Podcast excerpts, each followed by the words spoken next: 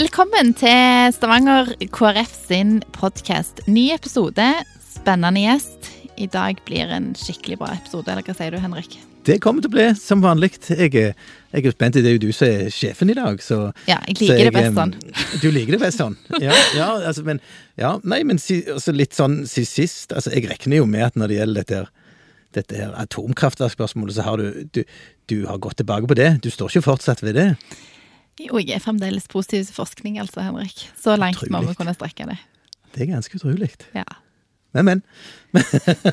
vi, får en, vi får en diskusjon der. Ja, Jeg har fått Ja. faktisk litt tilbakemeldinger på forrige episode podkast, der jeg eh, lanserte ideen om at vi skulle være positive til atomkraft. Så, så dette har folk fått med seg. Ja, det er det ikke tvil om.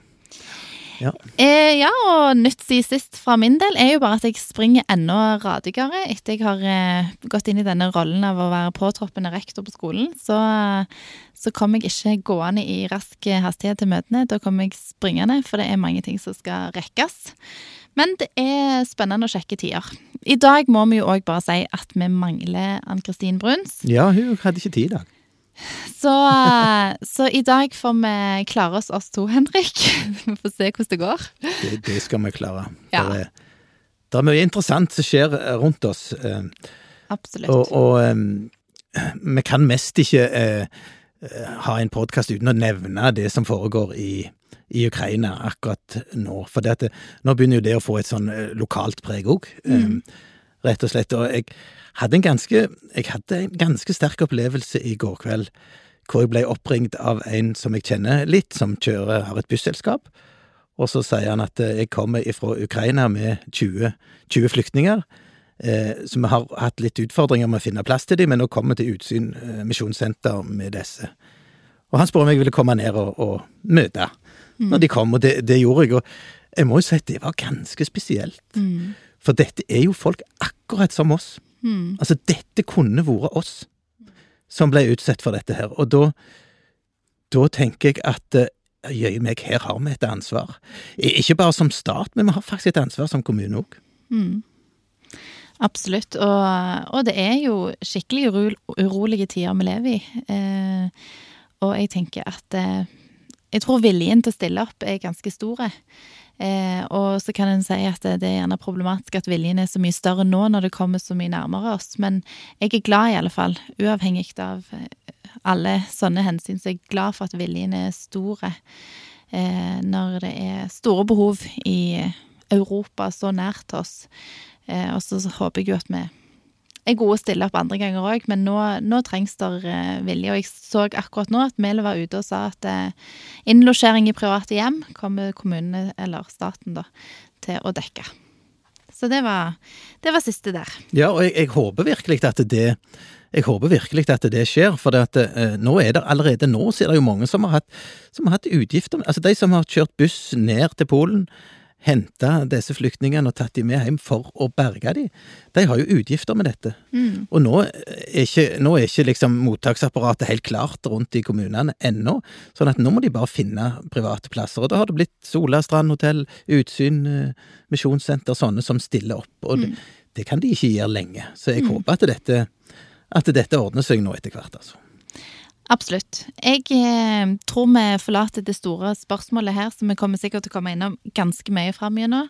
Og så går vi over på dagens gjest.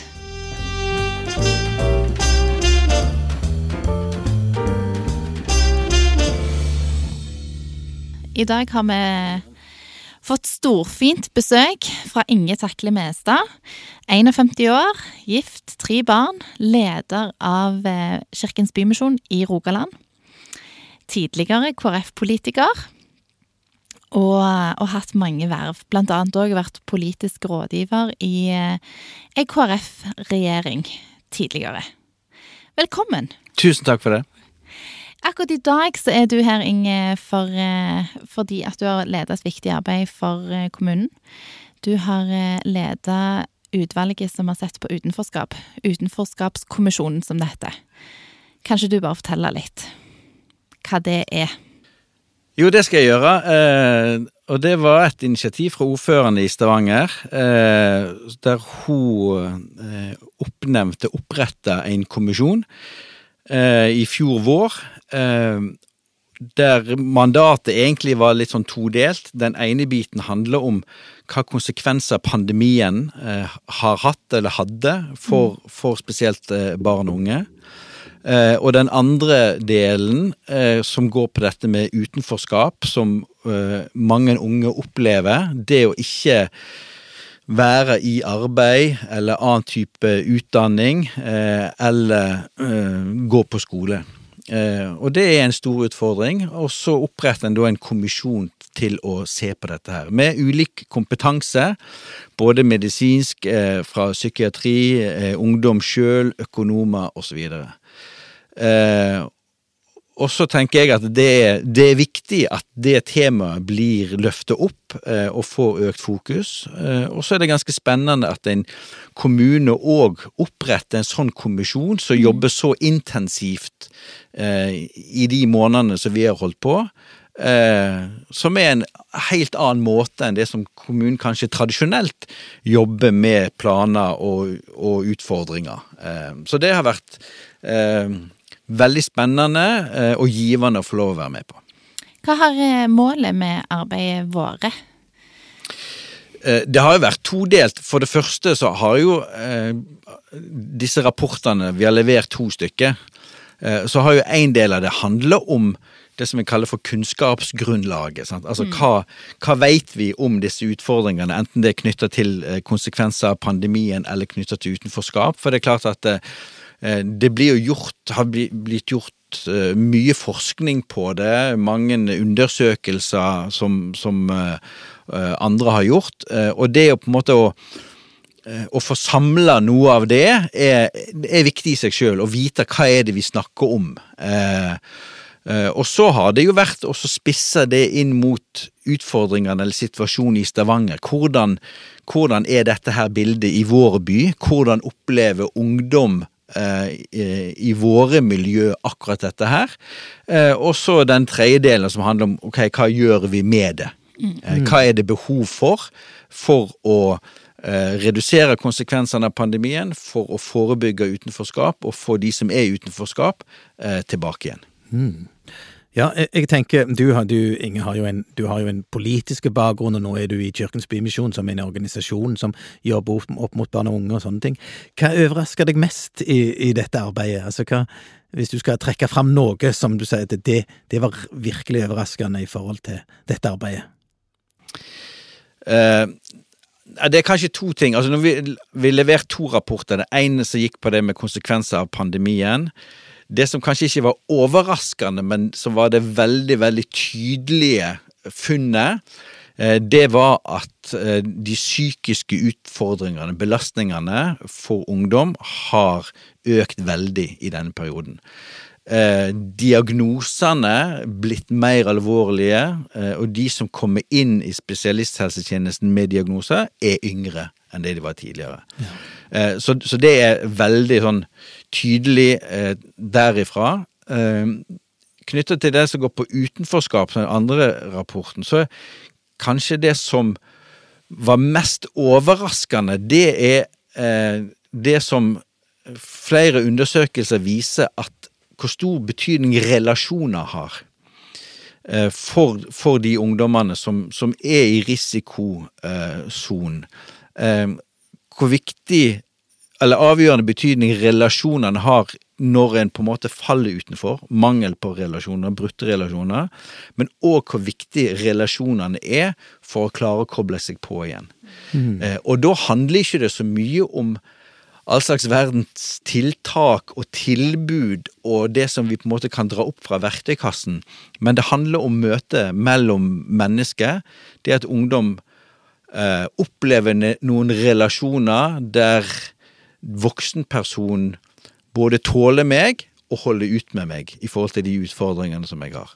Mm. Eh, og det tenker jeg er en utfordring for oss som enkeltmennesker. Det er en utfordring for eh, frivillige lag og organisasjoner å være klar over det. Og så tror jeg det er en veldig stor utfordring for det kommunale og det offentlige å ta inn over seg på en måte betydningen av relasjoner. For det er så lett å måle de tingene som vi kan telle. sant? Altså, Mm. Hvor mange er det på fritidsklubben? Hvor mange saker klarer Nav å håndtere, osv., osv. Men så handler det om eh, det helt grunnleggende i forhold til å bli sett og bli møtt og holdt ut med, sånn som en er. Men sånne relasjoner som jeg syns er utrolig interessant, at det er liksom nøkkelen for å på en måte få et ankerfeste i, i det å komme ut av et utenforskap, da uansett hva som er grunnen til at en er utenfor. Kan det være en profesjonell relasjon, eller må det være en relasjon som oppleves på en måte som en likeverdig på en måte i, i et vennskap, i, i en sånn type relasjon? For jeg har liksom lurt på noen ganger, hva er en relasjon verdt når det er en sånn offentlig ansatt, for eksempel? Som, som, som strekker seg for å faktisk oppleve som en genuin relasjon. Går det an at det kan være en betydning som rett og slett løfter denne personen inn i, inn i en ny situasjon som bedrer situasjonen?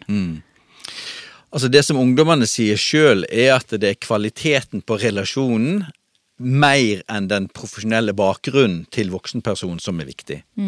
Eh, Det betyr at relasjon, det kan være kontaktlæreren i skolen, det kan være treneren på, på håndballaget eller hva det skulle være, eh, lederen i fritidsklubben. Eh, Men det kan òg være den som jobber i det offentlige. Mm. og det er klart at jobben i det offentlige tjenesteapparatet, så, så inneholder den relasjonen noe mer enn på en måte Altså, du, du, du, skal, du skal tilby noen tjenester, eh, men det er klart at hvis en hvis en er på jakt etter hvordan brukerne, ungdommen, eh, opplever møtet med det offentlige, enten det er Nav-kontoret eller, eller uttektsseksjonen eller hva det skulle være, opplever at det er en kontinuitet i den relasjonen, at en ikke stadig møter nye personer som en må forholde seg til, stadig nye personer som en må fortelle om sin bakgrunn og historie, men opplever at en kommer inn og får den hjelpen som en trenger, eh, så, så er det en veldig, veldig viktig del av det. Så det er liksom kompetanse på relasjon og ha fokus på det, og at det blir hva si, eh, verdsatt og, og, og målt i den grad det er mulig, eh, så vil det være viktig, uansett om det er oss som privatpersoner eller det er det offentlige. Ja, nei, men det er jo interessant, det, altså det offentlige sin, sin oppgave her. Ehm, og du har, du har så vidt sagt litt sånn eh, Stavanger kommunes hemmelige tjenester. Altså for, for det er jo hvordan disse ungdommene oppfatter kommunen, og hvordan de kommer i dialog med kommunen. Og da må iallfall tjenestene være kjent og alt dette. Ehm, har, har har dere sett på det i arbeidet? Er det noe vi kan gjøre bedre? Altså, Vi er jo opptatt av at kommunen skal, skal levere med, sant, som er politikere. Er det noe vi kan gjøre bedre der? Ja, nei, det, eh, altså noe av det vi erfarte i dette arbeidet her, er jo at eh, eh, det finnes veldig mange gode tiltak som, som kommunene har, eh, verktøykasse som, som Nav har, har frivillige organisasjoner som, som har masse tilbud. Eh, men eh, det er veldig få som har oversikten over det. sant? Eh, som kjenner til En vet hva en holder på med sjøl, men en vet ikke hva de andre holder på med. Eh, så, så i den forstand så fins det noen sånne hemmelige tjenester. eh, fordi at en ikke vet om hverandre. Eh, og jeg tror at noe av det viktigste for, for kommunen å gjøre, er ikke å bare opprette noen nye tilbud, men det handler om å få de tilbudene som en har, til å fungere sammen. Eh, og jeg har utfordra når jeg var i formannskapet og snakket om dette her, så er det det enkleste politikere kan gjøre, det er å bevilge én million ekstra eller to til et eller annet nytt tiltak. Så skal det løse det. Stemmer. Det, Men det, er, det. men, men det, er ikke, det er ikke mangelen på tiltak som er det som skriker imot oss. Det er samordningen mellom de tingene som fins. Og, og det er, tror jeg, kanskje det viktigste, men òg det vanskeligste. Altså, for en snakker veldig mye om samarbeid og samordning, men det er vanskelig å få det til. Det er vanskelig å få satt det i system. Eh, og, og vi har sagt det at eh, Og, og det handler litt om at eh, altså i en stor kommune ting blir veldig profesjonalisert. En har sine ansvarsområder. eh, i de forskjellige tjenestene. Og så er det poenget er at med disse ungdommene som har sammensatte utfordringer, så må en òg ha tjenester som fungerer sammen. Eh, og sånn som det er nå, så blir det i altfor stor grad eh, noen eh, blindsone mellom de tjenestene der ingen har ansvaret, og en peker på hverandre. Så det vi har sagt, at en trenger tjenester som på en måte sier, sier til ungdommene at du er så viktig for oss, deg skal vi ta vare på. Eh, jeg skal ta ansvar for deg, og så, og så følge. Ja. Eh, og det er et eller annet med at eh, en ikke trenger tjenester som bare er opptatt av å gjøre tingene riktig, men å gjøre de riktige tingene. Med perspektivet fra den enkelte unge. Ja, det, det er jo, det er jo utrolig. Altså, jeg, jeg husker jo når Aftenbladet rulla opp den saken om hun glassjenta. Jeg leste jo den, eh, fulgte jo den saken hele veien. Og det var jo utrolig interessant å høre hvordan hun eh, Altså, når hun møtte disse ulike eh, instansene, sant? for det er mange. Det er kommune, det er, er fylkesmann, det er fylkeskommune, alle. Det er interkommunalt barnevern noen plasser. Alle har en rolle. Og hun var jo fullstendig uvitende om hvem, hun- møtte. sant? Og i noen tilfeller så sporer hun hvem er dere? Sant? Hvem er dere? Og det, det syns jeg er ganske fascinerende. Og den gangen det gikk skikkelig galt for hun, virkelig galt, det var jo når legen på sykehuset ikke hadde gitt beskjed til kommunen som hadde boligen NAS. sant? Da gikk det helt galt. Så det er noe med kommunikasjonen her som er utrolig viktig at vi klarer å få til. Og det er rett som du sier, det er vanskelig, er en stor kommune, men, men, men det handler ikke nødvendigvis om penger, så vi må liksom være på det òg. Mm. Og det der å ta det ansvaret, det kjenner jeg iallfall til fra skolens side, at det, unger responderer godt på. At liksom ikke liksom henvise til at det, jeg tror det hadde vært bra for deg å tatt kontakt med en eller annen vedkommende, men sagt at jeg tar ansvar for deg. Og det er sikkert noen andre òg som kan være til hjelp for deg i den situasjonen du er i, men da følger jeg deg til de, og så gjør vi dette i sammen. Og det tenker jeg liksom òg at det, litt det der som du er innom, det der med å bli for profesjonell i det vi holder på med. liksom, Ja, men dette er utenfor mitt mandat, eller dette er utenfor mitt ansvar. Der må vi på en måte være rause nok til Og det tror jeg er noe av utfordringen òg med å være i en stor kommune versus å være i en liten kommune er at liksom i en liten kommune så har jeg i hvert fall inntrykk av at disse overgangene kan gå litt smidigere, fordi at du vet hvem som sitter i den andre avdelingen. Du vet hvem du henviser videre til. Du vet at du er på en måte et lag som, som vet tydelig hvem laget er. Her er vi såpass store at liksom laget er, laget er stort. Og, og hvem som akkurat har ansvar i de konkrete situasjonene, er ganske vanskelig. Og for eksempel det å være for eksempel i en familie som ikke har en veldig god inntekt, som gjør at en f.eks. trenger hjelp til det å komme i gang med fritidsaktivitet og få, få det dekka. Det er jo noe som har kommet langt på i Stavanger kommune, f.eks. Men for, eh, videre i, i forhold til det å få støtte, f.eks. til å dette med bursdager og sosiale settinger som ikke er så organisert, som er gjennomorganisert det med økonomisk støtte f.eks. til fritidsaktivitet. Men det er mange andre aktiviteter som ikke er så organiserte, som du òg trenger midler til for å være med på. Eh, og jeg har vært med og fulgt noen gjennom det systemet, og jeg tror vi har kommet et stykke, men jeg tror òg at det er et ja, jeg tror vi har ennå noe igjen for at det vi tenker er gode intensjoner som politikere, faktisk ender opp med å være gode tjenester til de det gjelder. Jeg tror det ennå er et litt potensial der.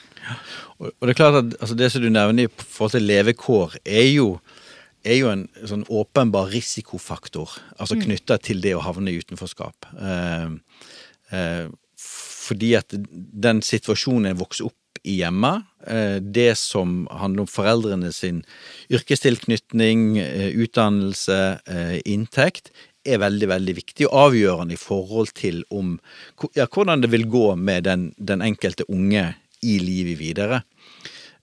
Og, og det er klart at Stavanger, som har utfordringer både med at det er stor forskjell på de som har mye og de som har lite, eh, og der òg andelen av de som har lite, altså som opplever barnefattigdom, har økt de siste årene, så er det klart at det er noe som er veldig, veldig viktig å være oppmerksom på.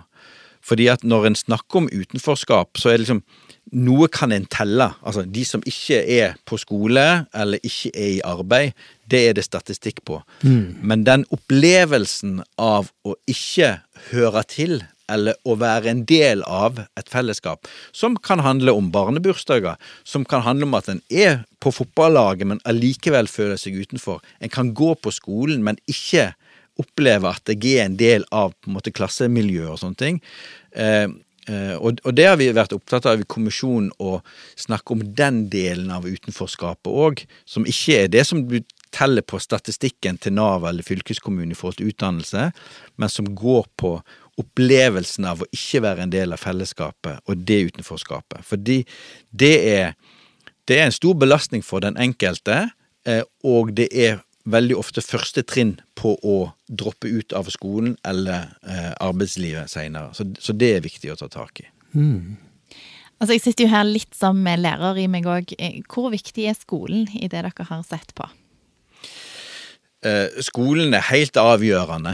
Eh, og, det er klart at eh, i Norge så er det sånn at de aller, aller fleste fullfører jo grunnskole, og så kommer en til videregående skole, og der er drop-out-problematikken større. Mm.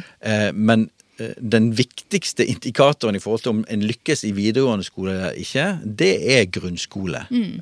Og, og, hvordan Eh, en kommer gjennom det, eh, og hva, ja, hva karakterer en har, rett og slett. For hvis en har eh, lave grunnskolepoeng, så er sjansen for å droppe ut av videregående større. Og, og, og det er klart at ja, innholdet i skolen, hvordan grunnskolen blir tilrettelagt, når forsvinner leken, og når blir det bare måling og testing og sånne ting. Og det er klart at når det blir introdusert, så, så er det mange som opplever at tapsopplevelsene eh, står i kø, på en måte. Mm. Eh, og får en for mange av de, så går det ut over eh, sjølbilde, selvtillit, og en, en mm. dropper ut av det. Men, men jeg tenker eh, av og til lyst, Eller jeg har rett og slett lyst til å spørre Lever vi i et for organisert samfunn? Altså, jeg tenker, jeg sitter og reflekterer litt over egen barndom nå, faktisk. Og jeg husker jo sånn som vi gjorde det. Du tok kanskje med deg en ball eller noe, og så gikk du til en du en venn, og så sier du skal du være med ut. Mm. Og, så, og, så, hadde du gjerne tre timer til du skulle være hjemme igjen, og så skjedde bare det som skjedde. sant? Altså, så var vi, gikk, vi, vi, var på vei til noe hele veien, men, mm. men vi klatra opp i det treet, for det sto der. sant? Mm. Og, og, dette hadde vi liksom tid til. Mm. Eh, er det Er det sånn at vi har for lite tid til det? Eller som barn, da. Ja, ja. Jeg, sant? ja. Um, Altså Det er klart at det har jo forandret seg veldig. Vi er jo veldig sånn gjennomorganisert eh, fra veldig tidlig. Eh, men jeg tror at for, for disse ungdommene her eh, så er kanskje utfordringen at de hadde ikke blitt ringt til. Det, det var ingen som hadde invitert dem med ja, på, på Løkka. Det er ingen som hadde invitert dem med til å klatre i treet. Eh, så det, så det er klart at når det, en da har organiserte arenaer, så er nok det kanskje en hjelp for de som, som, som, ikke hadde hatt det nettverket sjøl. Eh, men fremdeles så er det jo de som, som ikke finner seg til rette på de arenaene. Og jeg, jeg, tror at, eh, jeg tror at de som føler seg utenfor, de trenger at det er organisert. Mm. Og jeg tror, at, eh, jeg tror, at, du, Henrik, eh, klarte det greit, og syntes det var greit å sparke ball med dine. Mm. Men det er klart at noen det, ble gjerne ikke invitert ut, akkurat sånn som du sier. Og jeg ser òg i skolen at eh, jeg tror nok at skolen kan være en, en, en enten en arena som skaper opplevelse av suksess og mestring, eller det kan være en sånn nederlagsarena. Og hvis du har ti år med nederlag som du har opplevd i større eller mindre grad, så tror jeg at det gir et dårlig utgangspunkt både for å fullføre videregående, og jeg tror at det gir dårlig, et dårlig utgangspunkt for å stå i arbeidslivet og bli værende i arbeidslivet. Og jeg ser der, så ser jeg jo at eh, iallfall i mobiltelefonens tid, som ikke var aktuelt for deg, Henrik, å sette deg ned og bare stirre på mobilen, Nei, eh, så, så, ser en at det er alternativet til veldig mange. Hvis en ikke på en måte tar del i noe som er organisert, som er lett å hive seg med i, der det er en voksen person som skaper trygge rammer osv., så, videre, så blir en ofte sittende i et digitalt eh, univers som ikke alltid bidrar til sosial trening. Eh, for det kan du òg gjøre noen ganger, men det er ikke alltid. Og mange ganger er det en ensom tilværelse med mobilen. Så jeg tror eh, at det blir sånn eh, ja, det, det høres liksom litt sånn Høres interessant Det høres sjarmerende ut å si at vi, la oss ikke gjennomorganisere alt, og, og sånn som det, men jeg tror at den tida vi lever i, så kreves det på en måte, hvis vi ønsker alle med, som vi ønsker, så tror jeg, så tror jeg på mer litt sånn voksen styring. Men jeg tror ikke på så, bare statlig styring, men jeg, men jeg tror liksom på den voksen styringen der. Jeg vet ikke om du har noe Ja, nei, og, og det er klart at det som, det som pandemien førte til, det var jo at en del av de etablerte arenaene ble stengt ned, eller fikk redusert åpningstid. sant? Og det er klart at for noen så var skolen den eneste fellesskapsarenaen som en hadde, og var en del av. Og det er klart at når, når det ble restriksjoner på det, så, så ble en enda mer overlatt til seg sjøl. Eh, eh, fritidsaktiviteter som ikke kunne gjennomføres. Eh, sånn at belastningen ved at disse arenaene blir stengt ned, eh, har vært stor. Eh, og det blir spennende eh, og skremmende kanskje òg å se på hva blir på en måte konsekvensene av det på, på lengre sikt.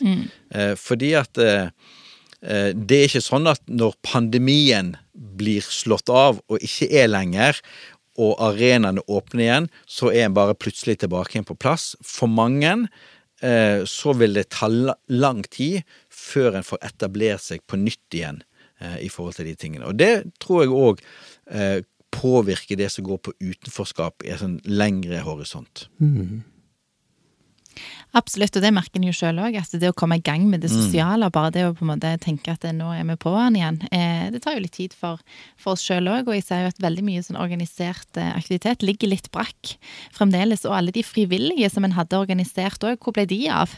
Eh, de har kjent på at de hadde nøyd friheten av å ikke ha så mye ansvar, og så på en måte kreves det litt sånn standhaftighet og på en måte innta liksom de rollene en har som forbilder i sitt lokalsamfunn, og, og på en måte ta på seg eh, ansvar igjen. Det er liksom et Og jeg lurer òg på veldig, liksom, når, det, når vi kommer liksom enda litt mer forbi pandemien, når en skal evaluere kostnader i forhold til nedstenging, liv og helse. Altså, det er jo helt umulige avveininger sikkert å trekke liksom to streker under svaret, men jeg, jeg tror nok at jeg skimter at vi har betalt iallfall en høy pris for de nedstengingene som, som en måtte, eh, og som en tok avgjørelser på. Selvfølgelig på det grunnlaget som en hadde i den tida.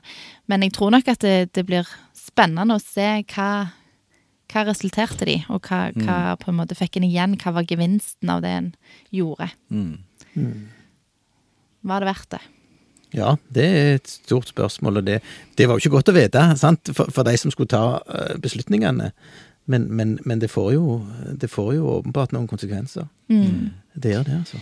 Altså, spennende prat. Eh, Inge, vi begynner å nærme oss eh, fullendt podkast. Men, bare, bare for å ta det, da, før, før vi slutter helt der. For det der, jo, der skjer jo veldig mye bra i Stavanger kommune, mener jeg. En ting er jo denne rapporten, at en virkelig har, har tatt initiativ til å komme opp med eh, noen, noen resultater, og fått det til.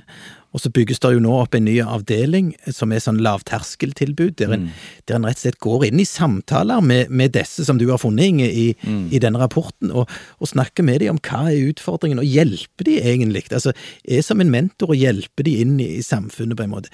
Jeg syns jo det er prisverdig eh, av en kommune, så det skjer mye bra òg. Det skjer veldig, veldig mye bra, eh, og jeg tror at det som blir viktig for på en måte dere som politikere som skal følge opp dette her, er jo både å se på hvordan organiserer vi oss som kommune, eh, og i det arbeidet bruke barn og unge sjøl som ressurs. For Ja, de, de, vet hva behovene er. At det ikke blir noen sånn voksengreie som 'dette her er det dere trenger'. Så Det er en del av det. Og så er det jo òg det at det her er ikke en jobb for kommunen alene. Eh, eh, Altså, Stavanger har en kjemperessurs i forhold til frivillige, ideelle organisasjoner. eh, Og det må bli kobla sammen med det kommunale, sånn at en at det bygger et godt lag rundt de som er i utenforskap eller står i, risiko for det. Fordi at i frivilligheten òg er det både masse kompetanse og engasjement og muligheter, eh, og det må ikke bli noe som er på siden av det kommunen driver, men noe som en jobber i lag på. Det er en kjempeutfordring. At, at en som kommune tør å på en måte eh, gi litt grann slipp og si at eh, men det her er noen som man kan håndtere bedre enn oss, eh, og da skal de få lov til å gjøre det. Det tror jeg var en glitrende KrF-variant av avslutning. For Ja, eh, det hørtes kalle det ut som det. Altså, dette hørtes ut som et innlegg på KrF sin konferanse eller landsmøte. Det må jeg si. Ja, ja. Binde sammen kommunens tjenester med frivilligheten. Altså, det kan ikke bli bedre. Right up our alley, som Ja, det sies. det, Altså, jeg eh, tror vi avslutter, Henrik. Jeg prøvde en gang før. Nå gjør jeg det iallfall. Ja, lov til og jeg takker for at Inge tok del i podkasten vår. Tusen takk. Eh, vi har en fast lytterskare som jeg tror eh, setter pris på dine innspill og ditt besøk. Takk for at jeg fikk komme. Hei da. ha det bra.